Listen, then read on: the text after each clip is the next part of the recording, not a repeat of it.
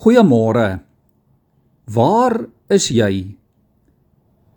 Dis die heel eerste vraag wat God vir die mens vra daar in Genesis 3 vers 9 heel aan die begin van die Bybel.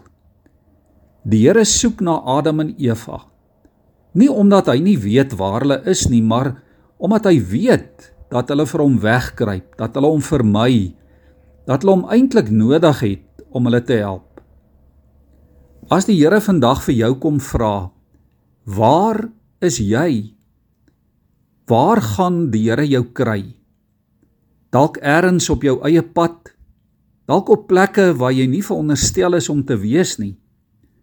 Dalk iewers waar niemand anders mag weet jy is nie. Dalk is jy besig iewers met jou eie planne, met jou eie dinge. Of gaan die Here jou dalk kry waar jy jou medemens help soos die barmhartige Samaritaan. Of waar jy besig is met jou eerlike eerlike dagtaak soos die vissermanne daar by die see van Galilea. Dalk besig om jou gesin te versorg soos Martha. Of dalk is jy besig om sy woord en sy liefde te deel soos Petrus. Of gaan die Here jou dalk kry by die sterfbed van 'n geliefde soos Lazarus se familie of op jou eie siekbed terwyl jy wag op 'n wonderwerk soos die man by die bad van Bethesda of gaan die Here jou dalk kry op jou knieë waar jy jou hand uitsteek om aan die soem van sy klere te raak of sit jy dalk in 'n skare om te luister na sy woorde? Jy kan vanmôre seker weet Daar's nie 'n plek waar die Here jou nie kan raak sien nie. Ja, jy en ek kan nie vir die Here wegkruip nie. Die Here sal altyd weer vir jou kom soek en jou kom haal en jou kom help. Die Here sal 99 skape los, sê hy in sy woord, om jou te kom kry waar jy ook al is. Daarom vanmôre, waar is jy? Ons is dalk verlore. Dalk is jy verdwaal, dalk is jy skaam soos Adam en Eva om dit wat jy aangevang het openbaar te maak. Maar hoor vandag dat die Here na jou kom soek. Dat hy vir jou kom vra, my kind, waar is jy? Daar in Psalm 139 vers 7 tot 10 bely Dawid. Hy sê: "Waarheen sou ek vlug om aan u teenwoordigheid te ontkom?" Klim ek op na die hemel is U daar. Gaan lê ek in die doderyk is U ook daar. Vlieg ek na die ooste of gaan woon ek in die verre weste?